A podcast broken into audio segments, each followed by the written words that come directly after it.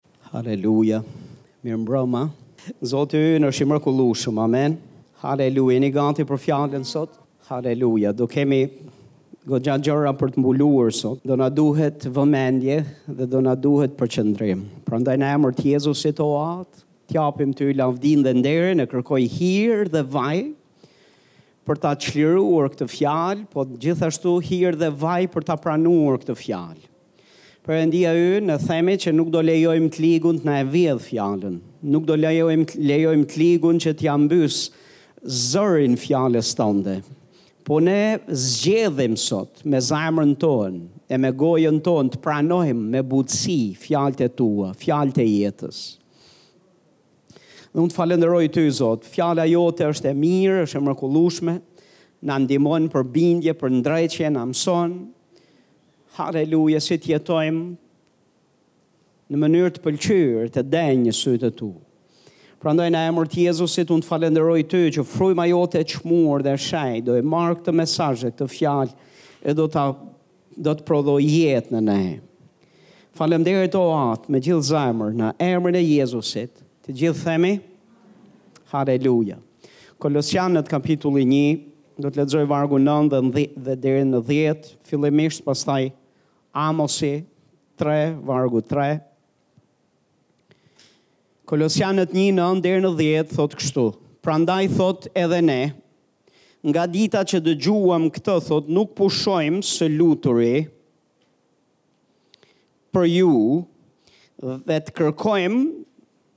që të mbusheni me njohjen e vullnetit të Tij me çdo urtësi dhe mençuri frymërore. Që të ecni, thotë, në mënyrë të denjë për Zotin, që t'i pëlqeni Atij në çdo gjë, duke sjellë fryt në çdo vepër të mirë dhe duke u rritur në njohjen e Perëndisë. Dikush thotë amen. Amosi tre tre thotë a mund të ecin bashkë dy veta në rast se nuk janë marrë vesh më përpara? Dhe kjo është një pyetje retorike, sepse ne e dimë që nëse ka mosmarrëveshje, dy njerëz nuk ecin dot bashkë. Dy veta nuk ecin dot bashkë. Edhe ne në ecjen tonë me Perëndinë, nëse nuk merremi vesh që të dimë si të ecim së bashku, ne s'mund të ecim, ndonëse jemi thirrur të ecim me të. Në qoftë se nuk mësojmë të përshtatemi dhe të ecim në mënyrë të denjë, në mënyrë të pëlqyer përpara Tij, atëherë ecja jonë do të çalojë. Dhe do ta gjejmë shumë herë veten tonë duke ecur vetëm. Dhe do ta gjejmë shumë herë veten tonë duke gabuar. Do ta shohim veten tonë duke vuajtur, duke kaluar dhimbje dhe lot dhe mund të kemi edhe pikëpyetje në mendjen tonë, pse është duke ndodhur kështu, kur unë i kam thënë po Jezusit e Atij në zemrën time. Ti i ke thënë po Jezusit e ke në zemrën tënde. Po a je duke ecur me të në mënyrë të denjë? A je duke u përshtat ecjes me Zotin? Sepse ashtu siç me një njeri në martesë apo në biznes apo në kishë, njerëzit që të ecin së bashku kanë nevojë të merren vesh, edhe në ecjen tonë me Zotin, ne duhet të merremi vesh. Dhe mënyra se si marrim vesh ecjen e denjë përpara Zotit, është gjithmonë duke, duke u referuar fjalës tij, sepse Perëndia nuk e ka lënë mister ecjen me Zotin. Ecjen me të, përshtatjen me të, nuk e ka lënë mister. Nuk e ka lënë uh, Nuk e ka lënë si pre e interpretimeve të veçanta unike të dikujt apo dikujt tjetër. Janë të qarta, fjala e tij është e qartë. Dhe në qoftë se ne mësojmë ato gjëra që fjala e Zotit na mëson dhe i vëmë në praktikë, ne do të ecim në mënyrë të denjë përpara tij. Tani Kolosianët një, Pali lutet në mënyrë të vazhdueshme, thotë, Edhe ne, thotë, nga dita që dëgjuam këtë, nuk pushojmë të lutemi. Që do të thotë, Pali e dinte që duhej shumë lutje. Jo vetëm kur dikush beson te Jezusi, mjafton Duhet të vijë në kishë, duhet të vazhdojë ecjen e vet në mënyrë të pavarur dhe ai do t'ia dalë dhe është tërësisht çështje vullnetit të tij. Jo, nuk e le Pali vetëm çështje vullneti apo çështje individualizmi dhe çështje që ia le vetëm individit lutet dhe lutet vazhdimisht dhe kisha duhet të lutet për të vetët. Ne duhet të lutemi për njëri-tjetrin në mënyrë të vazhdueshme. Nëse Pali e quan këtë me rëndësi, duhet ta bëjmë edhe ne. Çfarë thotë? Prandaj dhe ne thotë nga dita që dëgjuam këtë nuk pushojmë të lutemi për ju dhe të kërkojmë që të mbusheni me njohjen e vullnetit të tij me çdo urtësi dhe mençuri frymore, Që të ecni në mënyrë të denjë për Zotin. Që t'i pëlqeni atij në çdo gja, duke sjell fryt në çdo vepër të mirë dhe duke u rritur në njohjen e Perëndisë. Një fillimisht, ecja jonë me Perëndinë, kërkon që ne të jetojmë për t'i pëlqyer atij, sipas këtij shkrimi, Dhe Pali e di mirë këtë gjë dhe thotë që t'i pëlqeni atij në çdo gjë, jo vetëm në disa gjëra, po në çdo gjë t'i pëlqejmë atij. Dhe thotë duke sjellë frut, ju kam thënë që kisha dhe ne nuk e kemi opsionale të qenit të frutshëm. Është urdhër nga Zoti. Dhe nëse ne qëndrojmë në hardhi, ne do të japim frut, Ati do të na krasisë dhe ne do japim edhe ma tepër frut. Nuk është opsionale të japim apo mos të japim frut, ne duhet të japim frut, sepse ai që zgjedh të mos japë frut, ai që zgjedh të japë frut, Bibla thotë nuk do krasitet, po do pritet. Do thahet dhe do hidhet jashtë. Nuk është opsion dhënia frut. Fjala thotë duke sjellë frut në çdo vepër të mirë. Ne jemi thirrur për të dhënë frut dhe për të për të dhënë vepra, jo vetëm fjalë, po vepra të mira. Jemi duke fol që në ecjen tonë me Zotin jemi thirrur për të bërë këto gjëra. T'i pëlqejmë atij në çdo gjë? Ky është qëllimi i jetës tonë në ecjen me të. Qëllimi i jetës tonë është që të japim frut në çdo vepër të mirë. Dhe qëllimi është që ne të vazhdojmë në mënyrë të vazhdueshme të rritemi, duke u rritur në njohjen e Perëndisë. Kjo fjala duke u rritur është duke thënë që ne duhet të bëjmë vazhdimisht progres përpara për rritje. Nuk duhet të jetë një moment kur ne bëhemi, stacionohemi apo tërhiqemi mbrapa, apo mjaftohemi me çfarë kemi dëgjuar, parë dhe përjetuar nga Perëndia deri në këtë moment. Ne duhet vazhdimisht të kërkojmë fytyrën e Zotit, ne vazhdimisht duhet të kërkojmë të rritemi në njohjen e Tij, sepse më ler të të them, Ti je tepër i vogël ti di shumë pak ti s'di asgjë në fakt nëse mendon se ti e njeh atë. Ne nuk e njohim atë mjaftueshëm, ne kemi nevojë ta njohim edhe më mirë thotë Shkrimi. Nëse duam të ecim me Zotin në mënyrën e denjë të tij, ne duhet të kemi pikërisht këto gjëra dhe Pali lutet. Që ne t'i pëlqejmë Atij në çdo gjë, që ne të jemi të frutshëm në çdo vepër të mirë, të japim frut. Dhe çfarë tjetër? Të rritemi në njohjen e Tij. Haleluja! Sa më shumë e njeh Perëndinë, më shumë rritesh frymërisht. Më shumë progres bën frymërisht. Jo, është normale të jesh foshnje kur vjen në besim, po nuk është normale të rrish foshnje gjithë gjithë kohës. Normale është që ti të rritesh. Dhe ndërsa rritesh, të vjen një moment ku ti fillon i flak gjërat fëminore, ashtu siç Pali flet. Mirëpo, vargu nëntë na thotë edhe disa gjëra të fuqishme të cilat janë vërtet me peshë. Thotë që ne të ecim në mënyrë të denjë për Zotin, që do të thotë që ne të jemi në gjendje, t'i pëlqejmë atij në çdo gjo, që ne të japim frut në çdo vepër të mirë dhe që të rritemi në njohjen e Perëndisë, janë të rëndësishme tre gjëra të cilat janë shkruar këtu dhe Pali i ka pjesë të lutjes vet. Gjëja e parë thotë të mbushemi me njohjen e vullnetit të tij. Le të themi bashkë, të mbushemi me njohjen e vullnetit të tij. Efesianët 5 na thotë, mos u bëni të marrë. Por kuptoni cili është vullneti i Perëndisë. Njihni cili është vullneti i Perëndisë. Perëndia ka vullnetin e tij të shprehur në fjalë. Këtu në këtë Bibël. Për çdo hap të jetës. për gjendjen tënde mendore, emocionale, familjare, për, për, për financat tua, për shëndetin tënd, për fëmijët e tu, për të ardhmen tënde, për të kaluarën tënde, për të tashmen tënde, në marrëdhënie me njerëzit. Perëndia i ka të gjitha përgjigjet e veta. Vullneti i tij është i shpalosur tashmë e zeza në të bardhë. E ke në Bibël. Njihe Do të thotë merr kohë, studio dhe lutju Zotit që të të zbulojë vullnetin e Tij. Po këtë këtë vullnet të Tij ti e ke të mundshëm për ta kuptuar dhe për ta njohur.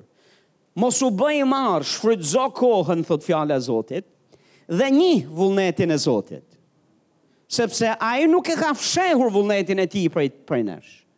Pastor, nëse ne shkojmë bëjmë këtë gjënë këtu, dhe kalojmë kohë me fjalën e Zotit, ne do mbushemi me njohjen e vullnetit tij.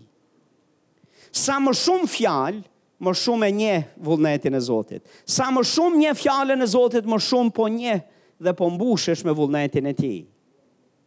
Gjithashtu, pastor, nëse ju e bëni prioritet fjalën e shkruar, ju garantoj se Fryma e Shenjtë, i cili shikon seriozitetin tonë ndaj fjalës, do të na zbulojë edhe gjëra që nuk na janë shkruar në Bibël, të cilat ai do të na i zbulojë ne.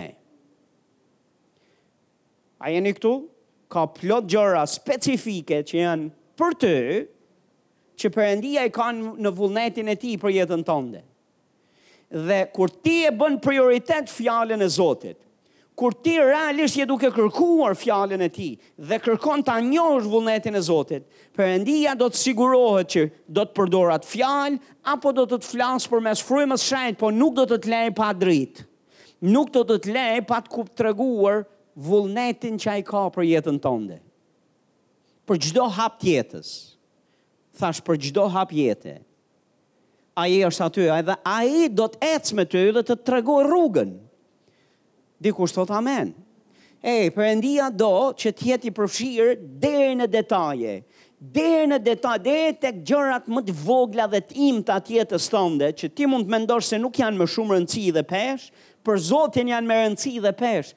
Nëse janë me peshë njohja e, e, e numërimi i flokëve tua që ke në kokë, kupto që Zoti të ka ty të rëndësishëm dhe çdo aspekt i jetës tënde ka peshë dhe rëndësi për Zotin. Dhe ti mund t'i bësh gjërat me vullnetin tënd. Ti mund t'i zgjedhësh me vullnetin tënd. Ti mund të ecësh i pavarur nga Perëndia. Po sigurisht, ti mundesh, por Perëndia do që ti të ecësh në mënyrë të denjë, duke njohur vullnetin e Tij dhe duke përqafuar vullnetin e Tij. Gjëja e dytë dhe e tretë që shohim është duke u mbushur jo vetëm me njohjen e vullnetit të tij thotë, por duke u mbushur me çdo urtësi dhe mençuri frymërore. Domethënë paska urtësi dhe mençuri frymore. Dhe që ti të ecësh me Zotin, du të, du të fitosh këtë mençuri dhe urtësi frymore. është një gjë, pastor, që ti të mos dish dhe të vish Të vish nga nga i paditur, i pashkolluar. Është komplet një gjë, nuk po të thrret kush që ti të hysh në universitet. Por jemi duke të thënë që kjo nuk do të thotë, kjo nuk do të thotë për ne që ne duhet të rrimë të paditur dhe të rrimë pa fitu mençuri frymore. A je këtu? Perëndia është i interesuar që të investojë në zemrën tonë, në jetën tonë, të na japë dituri e urtësi e mençuri frymore. Ai do të na pajisë ne. Ça do të thotë të kesh urtësi dhe mençuri frymore? Më le ta them në mënyrën më të thjeshtë. Mënyra më e thjeshtë është që ti Të dish çfarë të bësh në çdo situatë në cilën ti je. Të kesh dallim, të dish ça duhet bërë. Të dish ça duhet thënë, të dish nga të shkosh. Të dish pastor. Dhe Zoti na do që ne të fitojmë mençuri dhe dituri frymore. Lutet Pali që kisha t'i fitojë këto. Që të mbushet me njohjen e vullnetit të Zotit, njohjen edhe të të mbushet me me a uh, me çdo urtësi edhe mençuri frymore. Pse? Sepse që të ecësh me Zotin, t'i pëlqesh atij në çdo gjë, të japësh frut dhe të rritesh në njohjen e tij, të ecësh me Zotin, në një mënyrë në një ecje të përshtatshme dhe të pëlqyer për Zotin, ti ke nevojë të rritesh, pastor. Ke nevojë të mbushesh me njohjen e vullnetit të Tij. Ke nevojë të mbushesh me urtësi dhe mençuri frymore, në mënyrë që kur Zoti të flasë dhe të thotë këtej është rruga, ti të dish çfarë të bësh. Ti të dish çfarë të bësh. Dhe sot, pastor, unë dua të marr disa gjëra Po në mënyrë të veçantë dua t'ju flas për ligjin e gjërave të para. Ligjin e gjërave të para, sepse ka disa gjëra të cilat duhen bërë para disa gjërave tjera. Dhe dua që t'i shtoj mençurisë dhe urtësisë frymore në ju, ta njihni cili është mendja dhe vullneti i Zotit në këto gjëra që Zoti m'i ka zbuluar mua që t'ju shtoj ca nga kjo mençuri dhe urtësi, sepse do t'ju duhet në ecjen tuaj me Zotin. Kështu që do t'i marr një nga një secilën prej tyre, secila prej tyre do të ishte një shërbesë në vete. Unë do të përpiqem t'i jap aq sa mund të merrni sot. Po dua që t'i kalojmë, ama a është e rëndësishme, pastor? Që ne të përshtatemi në ecjen tonë me Zotin. Absolutisht po. Dhe më le të të them, Perëndia nuk ndryshon dhe s'ka ç'të ndryshojë. Kush duhet të ndryshojë, jemi Kush duhet të ndryshojë, jemi Kush duhet të përshtatet është? Haleluja. Atëherë pastor, merrni shënim të gjitha këto gjëra të cilat do t'jua mësoj. Pikë së pari duhet të mësojmë këtë gjë. Jam duke folë për ligjin e gjërave parësore, sepse ka disa ligje në fjalën e Zotit, që në qoftë se ti që, që marrin përparësi, ka disa të vërteta që marrin përparësi mbi disa tjera. Nuk do të thotë se të tjerat janë të parëndësishme, por ti s'mund t'i bësh të tjerat para, Duhet të bësh të parat në fillim dhe pastaj bën të tjerat. Edhe e para, edhe e dyta janë të rëndësishme, po po bëre gjënë e parë. Së dyti, dhe gjënë që supozohet ta bësh të dytën, ta bësh të parën, mos u habit nëse nuk funksionojnë gjërat. A jeni këtu? Për shembull, pastor, janë një sërë makina të shtrenjta sot që në qoftë se ti futesh në makinë dhe ti fut çelësin e makinës edhe do të ndezësh makinën. Ka një veprim të parë të cilin ta, ka, ta, re, ta komandon, të urdhron në manual makina. Ti duhet të shkelësh frenat njëherë. Pastaj t'i biesh çelësit. Nëse ti i bie çelësit dhe nuk e ke shtyp frenin, makina nuk ndizet. Po momentin që ti shkel frenat në fillim dhe pastaj lëviz çelësin, atëherë ndizet makina. A, a jeni këtu? E mora thjesht si shembull për t'ju thënë që në, edhe në Fjalën e Zotit janë disa ligje, janë disa të vërteta që janë parësore mbi disa të tjera. Kjo nuk do të thotë që janë këto tjerat më të parëndësishme, veçse janë dytësore. Le t'i shohim bashkë. Pikë së pari. Sakrifica nuk zëvendëson kurrë bindjen. Bindja është e para dhe nuk mund të zëvendësohet me sakrificë, me mund, me lodhje, me vepra të tjera. Sepse ne mund të mundohemi dhe të sakrifikojmë jashtëzakonisht shumë, po në qoftë se jemi në mosbindje, ndaj asaj çka Zoti na thotë, pastor, atëherë ne kemi harruar të bëjmë gjënë e du e parë. Gjëja e parë dhe parësore është bindja, që do të thotë kur ti je duke ecë me Perëndinë dhe Perëndia të thotë të bësh diçka, të lutem bëj atë gjë që të ka thënë Zoti dhe mos u përpjek që t'i mbushësh Zotit me sakrifica pastaj, se ti je i dashuruar me të. Sepse Ai pret bindjen tënde. Dhe jo sakrificat tua. As me fjalë e as me vepra. Ai pret bindjen. Prioritet dhe parësore është bindja për Zotin. Ja t'i shohim disa shkrime dhe të vërteta që të kuptojmë. Jeremia, kapitulli 6, vargu 19 dhe 20. Shi se ça i thotë uh, Zoti përmes Jeremias Izraelit. Dëgjo o tokë, thotë, ja unë do të sjell mbi këtë popull një gjëmë, vetë frytin e mendimeve të tij, sepse nuk u kanë kushtuar kujdes fjalëve të mia dhe as ligjit tim, por e kanë hedhur poshtë. Domethënë, çfarë kanë bërë këta? S'u kanë kushtuar kujdes fjalëve të mia dhe as ligjit tim, por e kanë hedhur poshtë. që do të thotë nuk janë bind fjalës së Zotit. Atëherë thotë vargu 20, ç'më hyn në punë temjani që vjen nga Sheba. Kanella e mirë që vjen nga vendi i largët. Holokaustet tuaja nuk më pëlqejnë dhe sakrificat tuaja nuk më pëlqejnë. Ça është duke folë Zoti këtu? Është duke thënë që këto lloj sakrificash, adhurime dhe sakrifica dhe oferta të tilla janë me rëndësi dhe me peshë në sytë e Zotit, po janë dytësore mbas bindjes. Në qoftë se nuk bindemi, atëherë pastaj, këto sakrifica nuk është asgjë tjetër, veçse praktikim fetarizmi.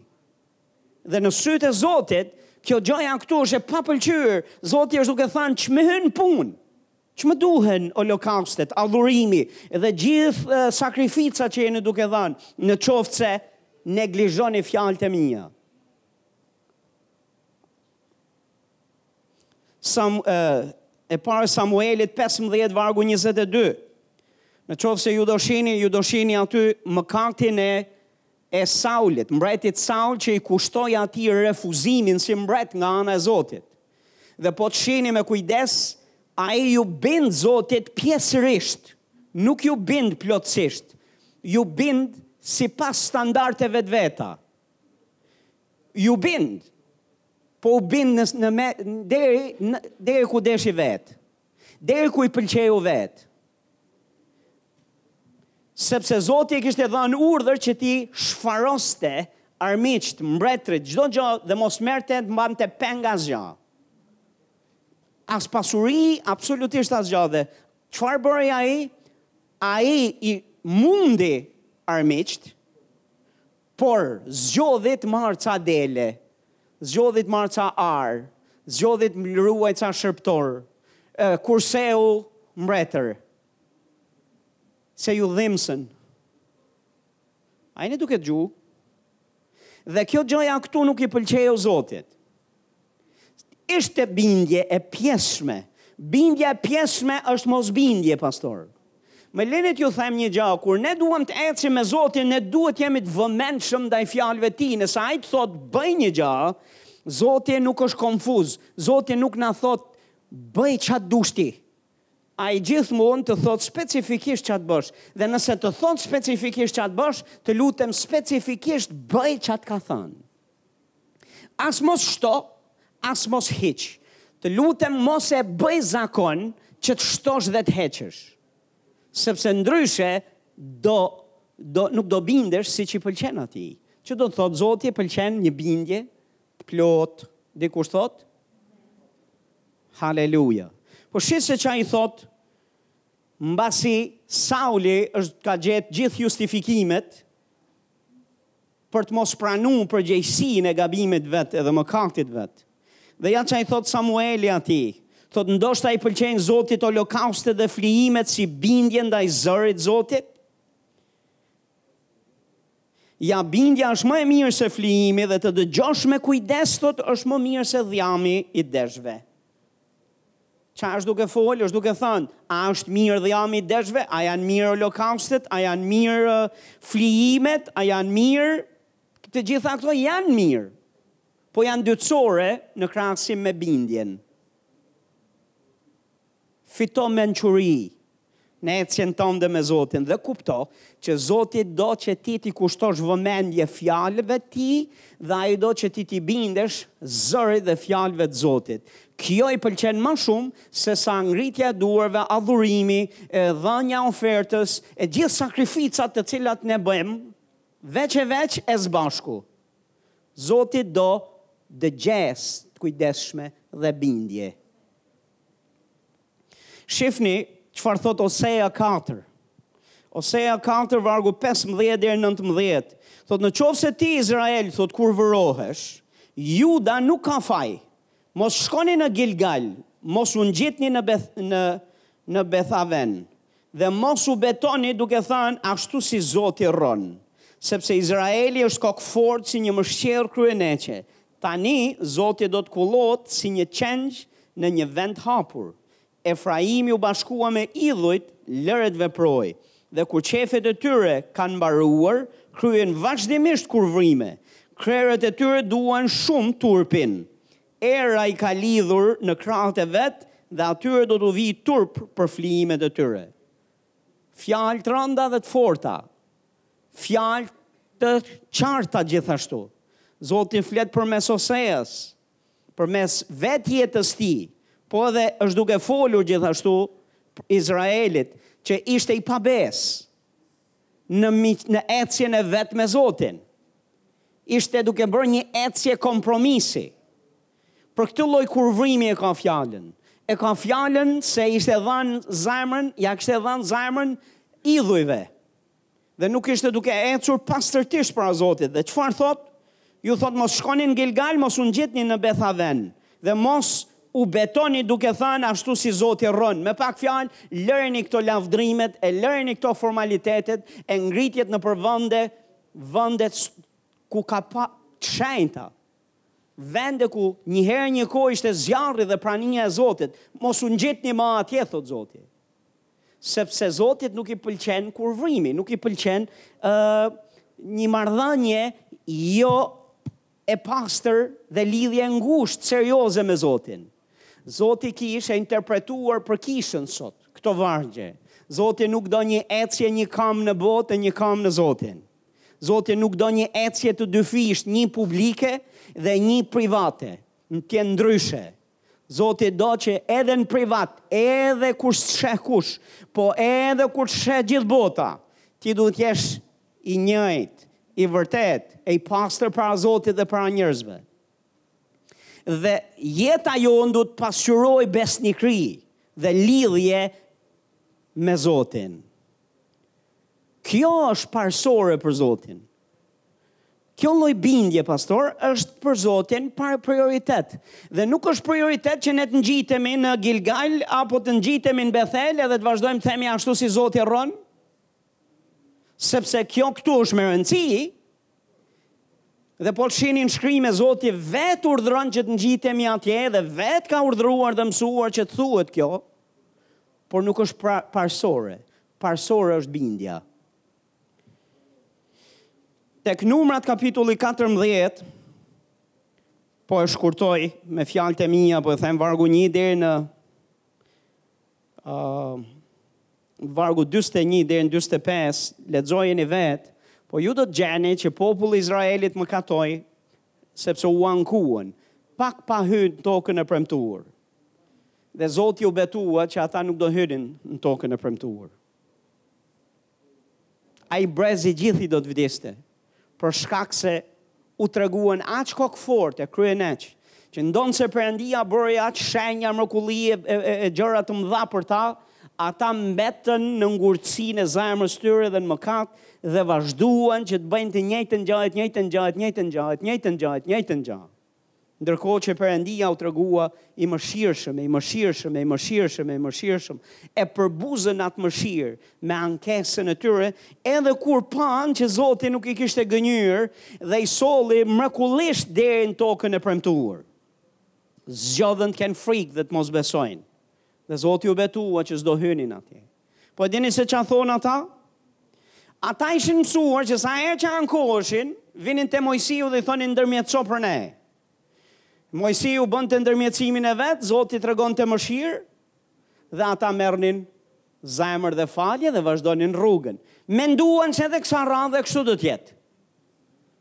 Dhe Bibla thotë Që Moisiu i urdhëron dhe ju thotë mos u ngjitni, mos u ngjitni dilni kundër amorenve dhe kundër këtyre uh, armiqve, të cilët ishin në tokën e premtuar, sepse me siguri ju do të vdisni, do të mundeni.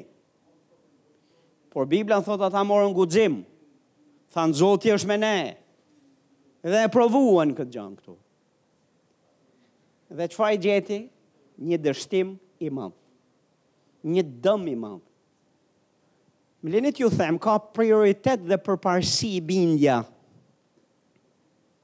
Pastaj vjen guximi për të luftuar.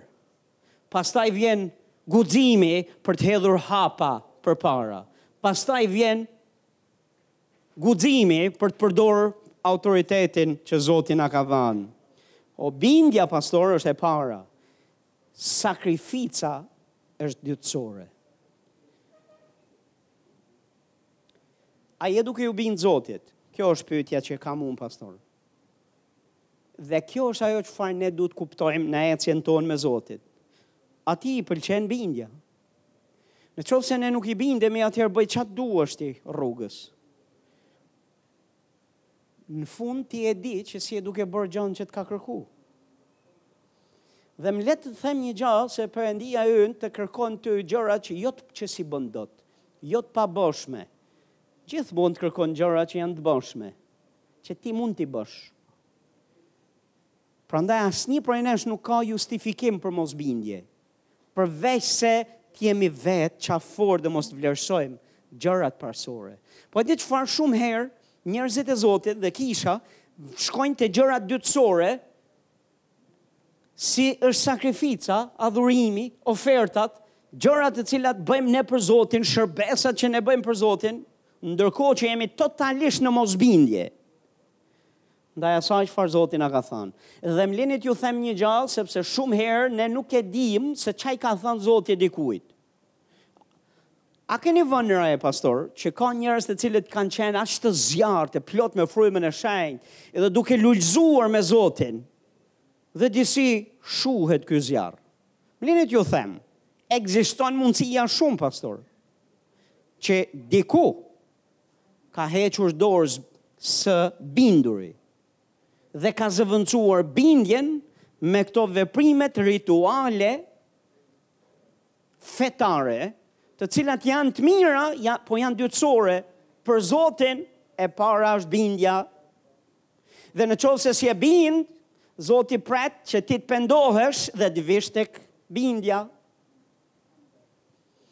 Lutem që kjo të bëhet mençuri dhe urtësi frymore e jotja dhe e imja.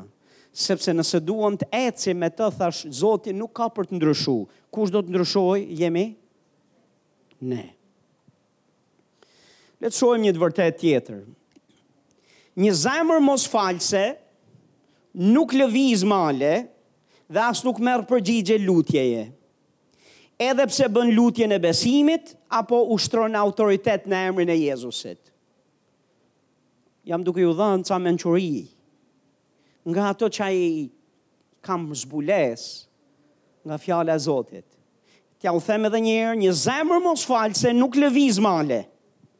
Dhe as nuk merr përgjigje lutje. Edhe pse bën lutjen, Edhe lutjen e besimit i ndjek hapat sipas fjalës së Zotit apo ushtron autoritetin, sërish nuk ka për të marrë përgjigje dhe as ka për të lëviz malet. Marku njëmbëdhjetë, njëzet e tre deri njëzet e gjashtë vargje të njohura prej nesh. Thotë sepse ju them në të vërtetë se nëse dikush do t'i thotë këtij mali luaj vendit dhe hidhu në det dhe nuk do të ketë dyshime në zemër të vet, por do të besojë se ajo që po thotë do të ndodhë, çdo gjë që do të thotë do t'i bëhet. Prandaj po ju them të gjitha ato që kërkoni duke u lutur besoni se i keni marrë dhe ju do t'i merrni. Dhe kur nisni thotë të luteni, themi bashkë, dhe kur nisni të luteni. Që do të thotë, gjëja e parë, thotë Zoti, Jezus, ai mësoi për fuqinë e autoritetit që na ka dhënë, në emrin e tij, për t'u folur maleve që të lëvizin, dhe për lutjen e besimit që sjell qiellin në tokë, dhe plotëson nevojat dhe dëshirat tona. Por, thotë, para se të lutesh, Dhe kur nis lutesh, që te nisja, duhet me pa diçka. Thot, nëse keni diçka kundër ndokujt, faleni. Që do të thot, nëse ke, ke, ke një ofendim, ke zemrim, Ke nji hakmarrje, ke nji inat me dikë, pastaj. Ke mosfalje ndaj dikujt. Thotë, kur do t'i flasësh malit, apo do të lutesh, që sa të nisësh, duhet të bësh këtë gjënë këtu, Faleni. Po, lavdi Zotit, nuk e fal. Po, e di se sa pak prej nesh ndalojmë dhe shkojmë te fillimi këtu, që të ndalojmë njëherë? Po mali duhet lëviz. Urgjent duhet lëviz. Po duhet merret përgjigje nga qielli, nevojat janë imediate e emergjente. Për ne apo për tjerët që u shërbejmë. Dhe kjo e vërtet nuk pyet a je shërbyes, a je thjesht besimtar kishe. Sepse kjo është e vërtetë për kushdo, thotë. Nuk tha për pastorë apo për ka janë të aneksuar, janë të përjashtuar pastorët. Pastorët mund të kenë mosfalje, pastorët mund të kenë këto gjëra se janë pastorë. Ata dëgjohen, ata lëvizin male, pamvarsisht, jo, as pastorët dhe askush. Kur nis të lutesh, kujtohu, nëse ke diçka kundër dikujt, që do të thotë ta ka sjell dikush këtu. Çfarë thot boj? Faleni. Nuk thot hakmerru? Shfry dufin dhe inatin tënd, faleni, thot. Pse, thot këtë gjë, thot, faleni, që edhe Ati juaj që është në qiej t'ju falë mëkatet tuaja, por nëse ju nuk falni, as Ati juaj që është në qiej nuk do t'jua falë mëkatet tuaja. Tani më lini t'ju them, mos harroni që Bibla është ndarë me vargje Bible, jo nga, nga Perëndia.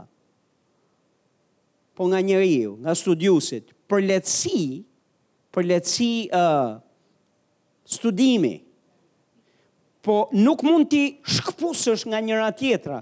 Këto dy, jo kur flet, kur nisni të luteni, e ka, është duke na thënë që që në fillim, nëse do, që Ati të jetë në mbështetje, Se kush lëviz malin pastor nuk je ti. Se kush sjell qiellin n'tokë nuk je ti.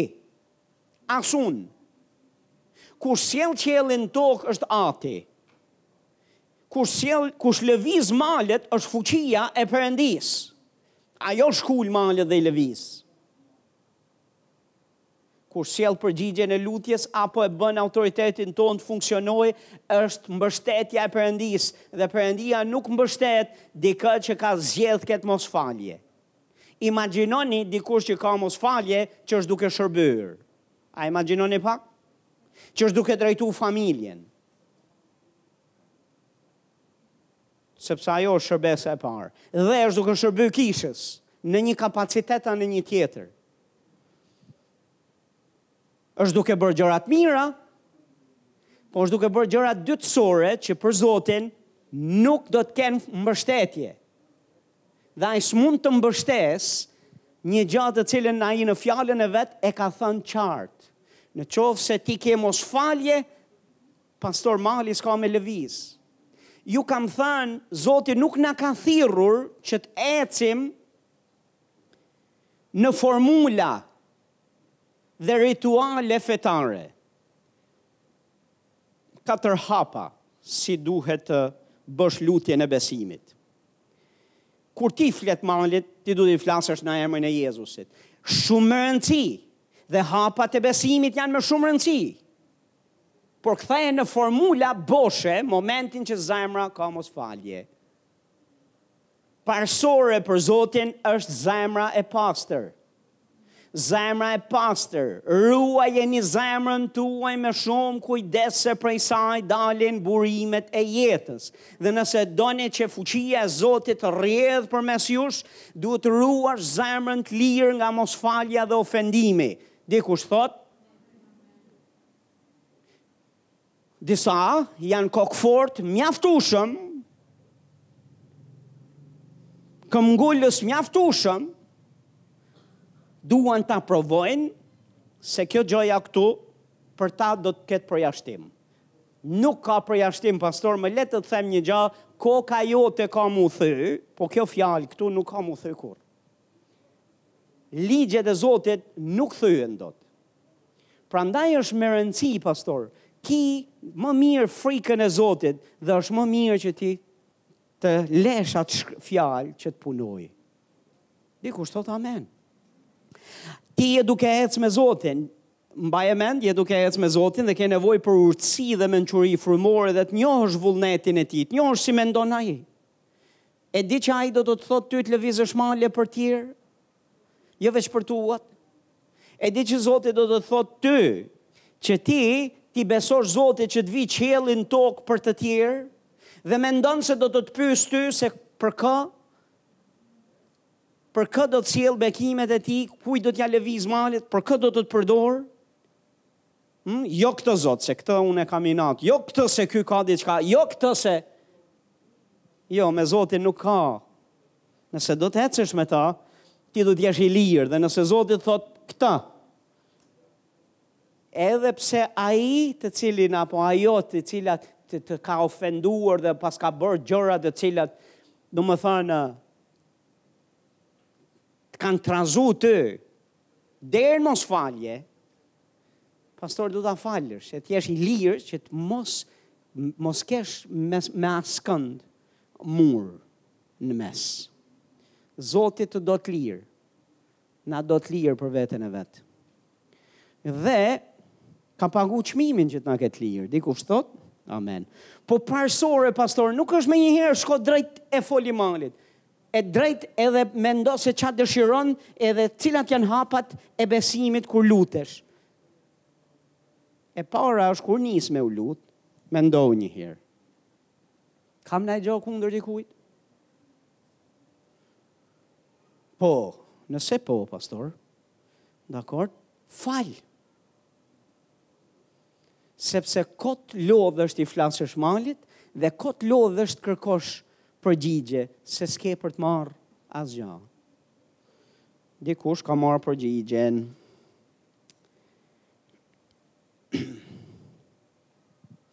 A jeni këtu? Një e vërtet, një e vërtet tjetër. Jam duke folë për gjërat parësore. Nëse duam që oferta jonë të prekë Zotin, më parë duhet të pajtohemi me vëllezërit. Okej, me vëllezërit tanë. Thash nëse duam që oferta jonë, dhe oferta jonë nuk është domosdoshmërisht vetëm lekët që ne japim në kishë. Oferta jonë është edhe adhurimi që ne i bëjmë Zotit. Marrëdhënia jonë me Zotin dihet që ndikohet momentin që marrëdhënia jonë me njerëzit nuk është aty ku duhet. Dhe Perëndia e ka prioritet Përpara se ti japësh oferta atij, e ka prioritet që ti dhe unë të shkojmë pajtohemi, të kërkojmë pajtesë me njerëzit. Mateu pesë, njëzet e tre deri njëzet e katër thotë, nëse ti pra po paraqet ofertën tënde te altari, okay, je kaq i apasionuar sa nuk rri ka fundi i shërbesës, nuk kam asgjë me ju që jeni në fund. Nuk e kam me ju. Se do ulesh diku dhe dikush do ulet në fund. Po ka nga ata të cilët uh, dun me nejt andej nga fundi, për motivin e vetëm se s'duan të afrohen afër shumë altarit e shumë zjarrit. Ka tjerë të cilët afrohen, Sepse e duan me e duan altarin, e duan zjarrin, e duan praninë, e duan miratimin e Zotit. Nëse thot paraqet ofertën tënde te altari, që do të thot ti nuk je sipërfaqësor në ecjen tënde me Zotin, por realisht do me shku në të thella. Merreni parimin, do me shku në të thella në marrëdhënien tënde me Zotin. Dhe thot, Atje kujtohesh se yt vlla ka diçka kundër teje. Çfarë thotë? Thotë këtë gjënë këtu, vazhdo jepe ofertën tënde dhe mos e vra mendjen fare se ç'mendon tjetri për ty se në fund fundit ai ka fajet dhe ai ka nevojë, ajo ka nevojë të ndryshojë. Po ti vazhdo se unë jam ok me ofertën tënde. Ti vazhdo të hysh në të thella. Jo, Zoti thot komplet të kundërtën. Lëre atje ofertën tënde para altarit. Shko pajtohu më përpara thot me vëllain tënd. Pastaj kthehu edhe paraqite ofertën tënde. Jam duke fol pastor për për gjërat e para. Për Zotin, e para është marrëdhënia e paqtë me njerëzit, me vëllezërit, me motrat. Fakti që kërkon Zoti pajtesë, do të thotë që ekziston mundësia që mes vëllezërve të ketë edhe gjëra të cilat nuk shkojnë apo jo. Ndodh. Dhe ndodh që vëllai yt është burri yt. Dhe ndodh që vëllai yt është gruaja jote. Ups. Që e ka motër. Ndodh që mund të jetë dikush tjetër ndër vëllezërit që mund të jetë më i maturuar se sa ti, se ka vite që ka është në kishë dhe supozohet të di më mirë. Dhe jo të sillet kështu siç sillet. Unë ia pranoj dikujt që sapo ka hyrë në kishë, se e kuptoj, pastor, po ky, po ai, që edhe e kam pa nganjëherë që mund të jetë edhe në adhurim, mund të jetë edhe bashkëpunëtor, mund të jetë, hej, edhe na mëson fjallën e Zotit. Nga ata s'pritet, pastor. Pastor, vëllai, nuk ka rëndësi se në çfarë niveli kategori është. Jezusi tha, lëre ofertën tënde aty. Mos e jep njëherë, mos e ço dëm. Me tjera fjalë, ne kishës, domethënë, kur ju jepni ofertat tuja, që janë leket tuja, dijeni një gjë, Që ne jemi mirënjohës për çdo gjë që Zoti sjell këtu. Por nuk bekon Zoti gjithkënd që hedh aty. Zoti bekon atë që hedh aty sipas standardeve të tij. Në qoftë se ka oferta që hidhen atje, ndërkohë që ti je në marrëdhanie armiqësie me një vlla, me një motër, pastor, Ti je duke e bë, por në sytë e Zotit, kjo gjëja këtu është e pamiratuar. A është e rëndësishme të japim? Patjetër që po, po është dytësore, pastor, parësore është marrëdhania me njerëzit e Zotit, me familjen e Zotit. A jeni këtu? Dhe ju kam folë herë mbas here, që ofendimi yt mund të jetë tërësisht në sensin që, domethënë, kur ti je ofenduar, ti nuk je ofenduar vetëm se je keqkuptuar. Sepse mund të ndodhë që realisht mos jesh keqkuptu fare, je ofenduar me, me edhe ke arsye. Por nuk ke arsye për të mos falë. Ti nuk ke arsye për të mos marrë hapin në bindje ndaj Zotit për të falë tjetrin. A duan të ecim me Zotin apo jo? E di sa njerëz ngelen rrugës për këto, për këto, që sapo fola. Janë në zjarr për Zotin derisa del dikush dhe i ofendon. Dhe ngelen peng në ecjen e tyre me Zotin. Dhe Zoti është duke ec, dhe Zoti është duke thirr, hajde pra ecim.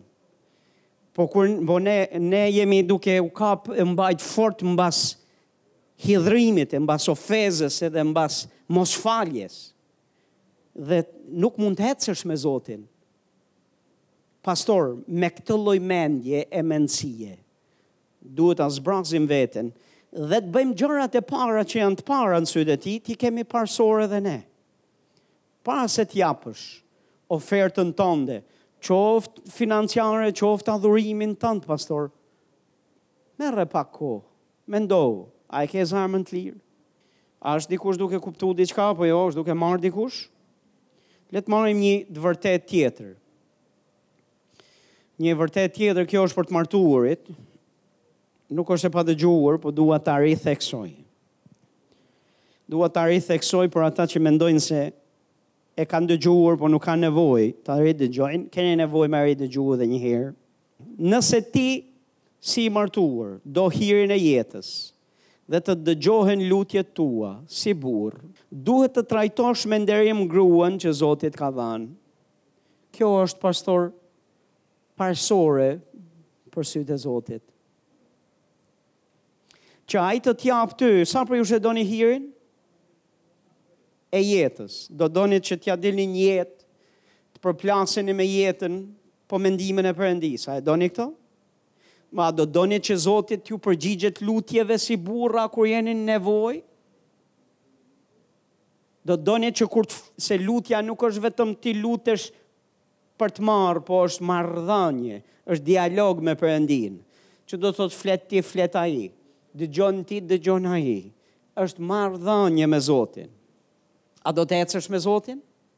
Nëse do të ecësh me Zotin, kusht është kjo nga fjala e Zotit. Ju burra thotë gjithashtu jetoni me gratë tuaja e para Pjetrit 3 vargu 7 me urtësi thotë duke e çmuar gruan si një enë më delikate dhe e nderoni sepse janë bashkëtrashëgimtare me ju të hirit të jetës, thotë dhe që të mos pengohen lutjet tuaja. Ok, pastor. Kthehuni pak ju burra, më shifni pak gjithë burrat, të martuarit. Ç'i hyjnë punë Zotit, lutjet tua, Sakrificat tua, shërbesa jote, bëmat tua, në qovë se nuk bën këtë gjënë këtu. Sepse ti je i shkëputur nga marrëdhënia me Zotin, je i shkëputur prej atij hiri, je i shkëputur nga përgjigjet e Perëndisë.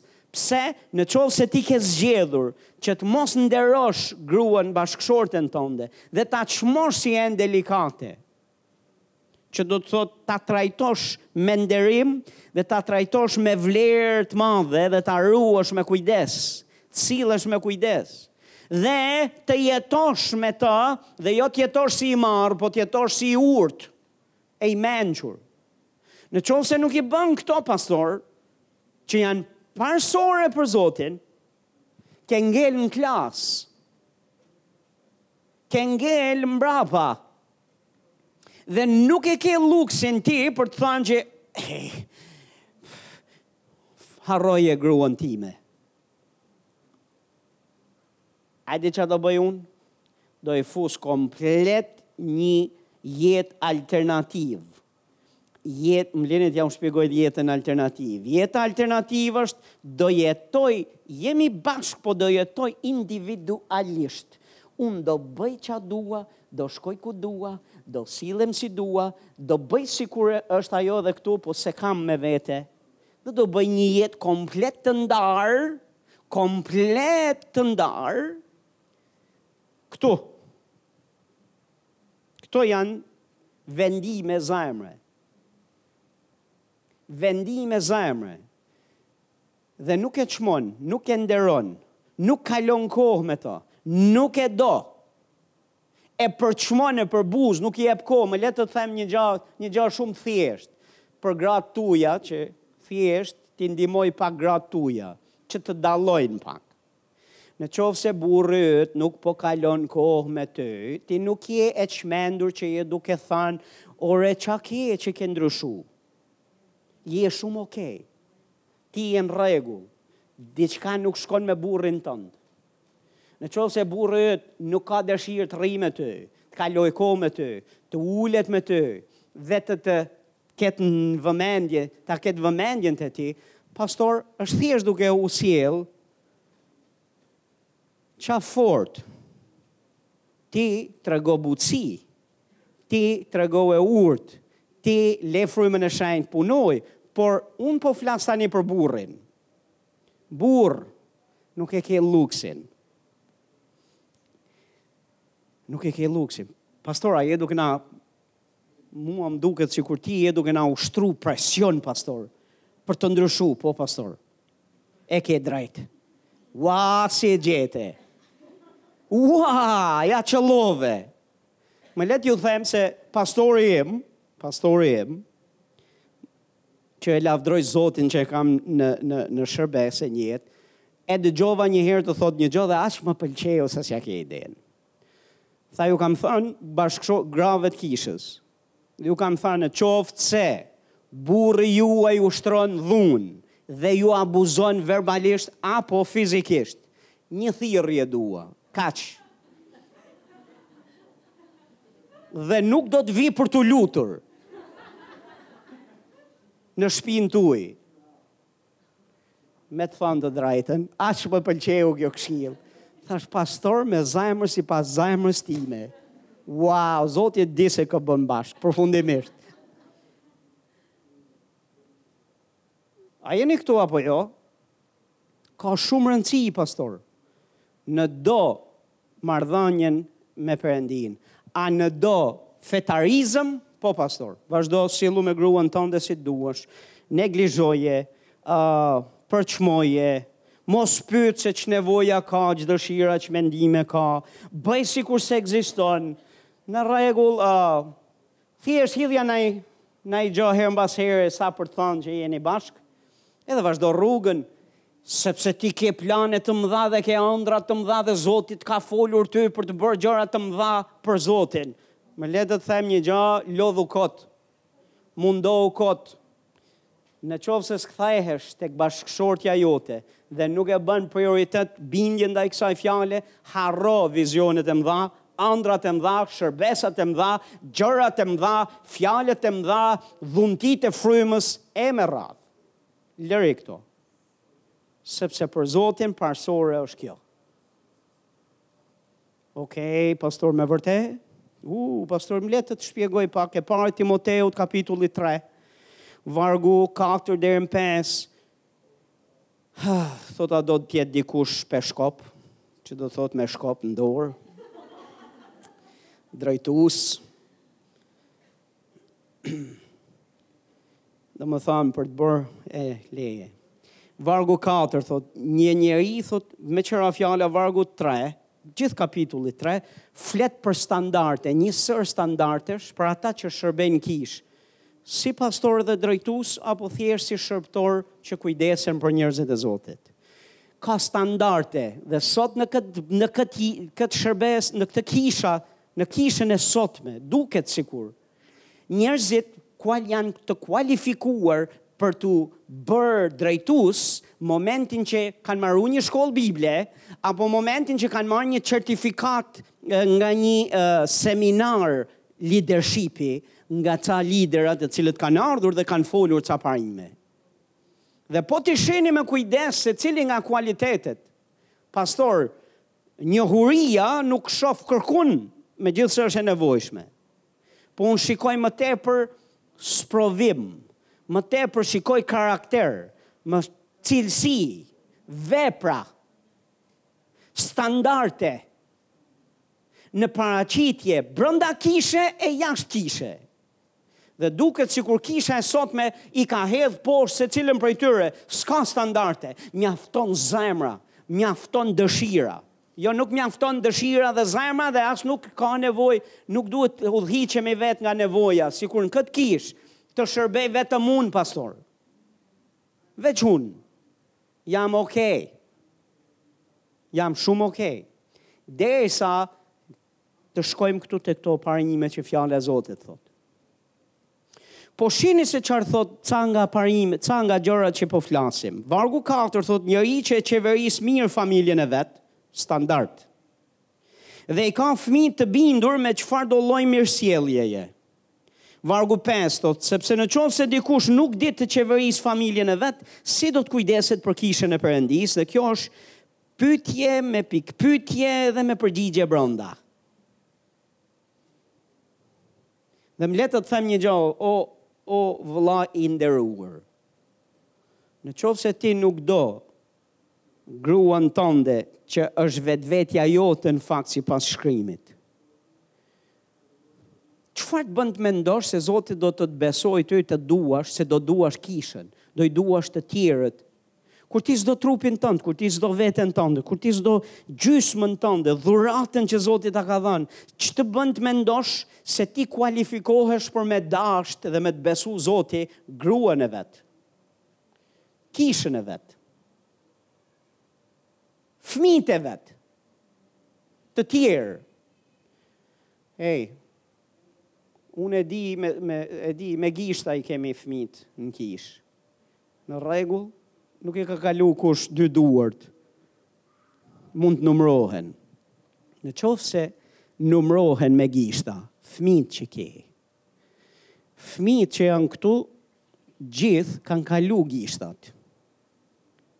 Dhe në qoftë se ne nuk kujdesemi për pak, dhe nuk jemi besnik në pak, si do na besohet më shumë. Pastaj pak më poshtë na flet po prap për dhjakët ose ndihmësat në kishë, të cilët mund të jenë adhurues, mund të jenë bashkëpunëtorë, merren me media, merren me gjithë, njerëz të cilët i kanë vënë duart në shërbesën e Zotit. Edhe këta kanë standarte, E shumë herë nuk u flasim dot këtyre që kanë më pak standartet flasin ata që janë në drejtim të këtyre departamenteve. Kur u flasin atyre që janë duke për standarte duket sikur është fjalë pse po pse po kërkon kaq shumë. Po të lexojmë këto shkrimet, këtu janë kërkesat janë ma të mdhaja dhe janë vërtet forta. Po pjesë edhe për ata është që thotë vargu dhjetë, edhe këta le të vihen ma përpara në provë, pastaj të kryejnë shërbesën e tyre po të jenë të patëmetë. Që do të thotë në qoftë se provohen edhe dalin që kanë të meta, ça duhet me ba? Duhet me u thanë vlla ulu. Rritu një herë, ushqeu me fjalën e Zotit, pastaj vjen koha jote për të ri Për ta riparë, a mund t'i vësh duart në parmendë ma apo jo? Në qoftë se po vihesh në provë dhe gjendesh me të meta, a thotë këtë shkrim ky? Këtë gja. Dhe thotë gjithashtu, ë, bashkëshortet e tyre të kenë dinjitet, jo shpifarake. Ça lidhje ka burri kur gruja qenka kështu? Sepse ekzistoka mundësia të jetë kështu. Dhe Pali thot nëse ka, shifja gruan një herë si e ka. Nëse e ka me këtë lloj kalibri, është në këtë lloj formati. thot mos u lodh ta marrësh në shërbes. Pse? Sepse ato shpifjet atje kanë me kalu në kish. Ato shpifjet që nuk janë zgjidh në familje, dhe nuk janë zgjidh atje nëse një burrë nuk është burrë në familje sa të zgjidhë një situatë të tillë çfarë shpifjesh do shuajë në kishë ua çfarë bible kemi thot por të përmbajtura dhe besnike në gjithçka me qëra fjala këto janë karakteristika të një gruaje të perëndishme e përmbajtur që do të thot ka frena duhet Me qenë të përmbajtura dhe të besës, besnike në gjithçka. Dhjakët thot të jenë bashkëshortë të një gruaje të vetme. Hu po po pastor veç një. Një e kam në shpi fizikisht, po ca tjera i kam këtu. Ca tjera i kam këtu. Ca tjera i kam këtu. Ca tjera i kam edhe te laptopi atje. Ca tjera i kam edhe kur kaloj rrugës. Dhe Zoti i sheh dhe i di gji, gjitha. Ca janë edhe në kishë? Ca janë edhe në kishë? Uuu, pastor. A, më lini t'flas, t'ju flas për një bekim, një, një bekim që ju si kishë e keni, që s'e kanë kisha tjera. Dakord e keni një bekim ju, dhe ca kisha tjera nuk e kanë. Pastori juaj, herë mbas here, operon në dhuntinë e profetit. Hej, A jeni duke dëgju, e keni këtë privilegj dhe bekim dhe nganjëherë lexon dhe sheh disa gjëra të cilat nuk ka të bëjë fare me shtatin thjesht apo mënyrën thjesht ka të bëjë me frymën e Zotit. Kështu që pastor, haleluja, ne na duhet një dhjak në kishë, po të një bashkëshorte të vetme. Dhe atë të vetmen që e ke, ta nderosh e çmosh. Dhe t'i shërbesh. Dhe ta ndihmosh dhe t'i jesh bekim për të. Thotë dhe t'i drejtojë mirë fëmijët dhe familjet e veta. Dikush thotë amen. Ju thashë secila prej tyre është mësim më vete. Po do, a do më lini t'jua them edhe një shtatë tjera? Ja nisi me një një herë, mos u mërzitni. Merreni këtë të vërtetë tjetër, nëse duam të kemi siguri para Perëndisë, që kur kërkojmë diçka e marrim, nuk duhet të na dënojë zemra. Me pak fjalë duhet kemi zemër të pastër. Tani zemër të pastër nga mosfalja folëm. Po zemër, zemra jonë nuk duhet na dënojë për asgjë. Zemra jonë është ndërgjegja jonë. Dhe Zoti e ka vendosë atë si busull brënda nesh. Që të na flasë. Dhe nuk është zëri, domosdoshmërish zëri i djallit që po të dënon nganjëherë, është thjesht zëri i ndërgjegjes që është duke të thanë, kështu siç je tue ecë, nuk je mirë. Kështu siç je duke vepru nuk je mirë. Kështu siç po vishesh nuk je mirë. Kështu siç po sillesh nuk je mirë. Këtu ku po shkon, këto që po sheh, këto që po dëgjon, me kë po shoqërohesh, këto nuk janë të mira. Ke busull këtu përbrenda teje. Çdo i rilindur ka zemrën e vet nji me frymën e Zotit dhe i ka dhënë Zoti ndërgjegjen që flet.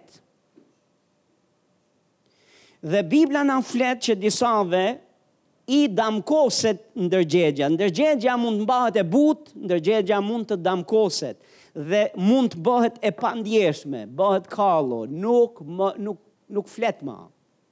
Pse? Në qoftë se ti ndërgjegjen nuk di ta trajtosh dhe nuk e sheh si dhuratë, Që zoti ta ka dhanë me të rujt jetën po e mënjanon nuk e dëgjon nuk e dëgjon nuk e dëgjon nuk e përfill nuk e dëgjon nuk e dëgjon vjen një pikë ku ajo nuk flet më sepse ti e ke ngurtësu e ke bërë me kallo se nuk e dëgjon e nuk e dëgjon e nuk e dëgjon kjo është fryma jote kjo është zemra jote është bekim kur ajo flet edhe nganjëherë çon sinjale parehatie ty për ku je, për çfarë po bën, për çfarë po flet, për motive, për çfarë sheh, për çfarë dëgjon. A jeni këtu? Me kë po rri? Është bekim se është busull përbrenda teje. Zoti e ka vendos brenda nesh për me na ndihmu që ne të ecim me Zotin. Denjësisht, pastërtisht, A jeni këtu me mua apo jo? Nëse ajo zemër flet dhe dënon për diçka, që do të thotë të flet se ka gjëra që nuk shkojnë, ça duhet me ba? Duhet me i thanë hesht, pusho, shporru prej meje, apo i duhet, duhet dëgju. Pastor, unë them, duhet dëgju. Dhe unë them kur kjo zemër na dënon, ne kemi nevojë që të shkojmë menjëherë në dhomën e lutjes dhe të detektojmë e t'i lutemi frymës shenjtë nëse s'ke qartësi. Po shumicën e kohës e ke qartësinë, sapo zemra fillon të flet, ti e ke qartësinë se çfarë ke bë, çfarë s'po shkon.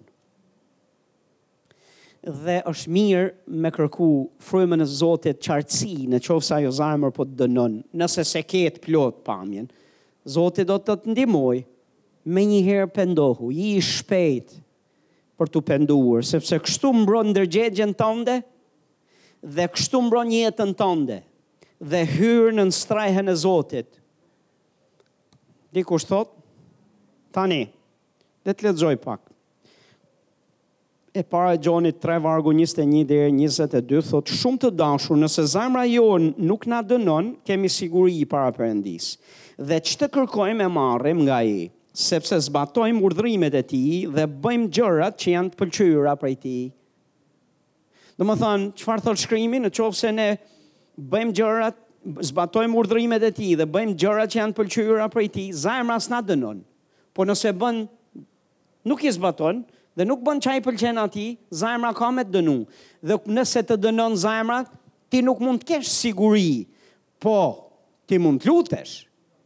Uu, lutës i madh publikisht e privatisht e me zjarr e me zë të lartë e me mikrofon e pa mikrofon. Po Zoti është duke pa nga krahu tjetër dhe është duke thënë, wow, Asgjë më shumë se sa një fetar. Dhe nëse na, ne nuk jemi të interesuar për lutje dhe për fetarizma. Ne jemi të interesuar për të sjellë ndryshimin, kur ne lutemi, Perëndia përgjigjet. A e dini se ndryshimi i besimit tonë me çdo besim tjetër nuk është sepse ne lutemi dhe ata s'luten. A e di që çdo besim ka për bazë, e ka në, në, në doktrinën e vet lutjen, pjesë. E di ku është ndryshimi i ynë me ta? është se ne marrim përgjigje dhe ata jo.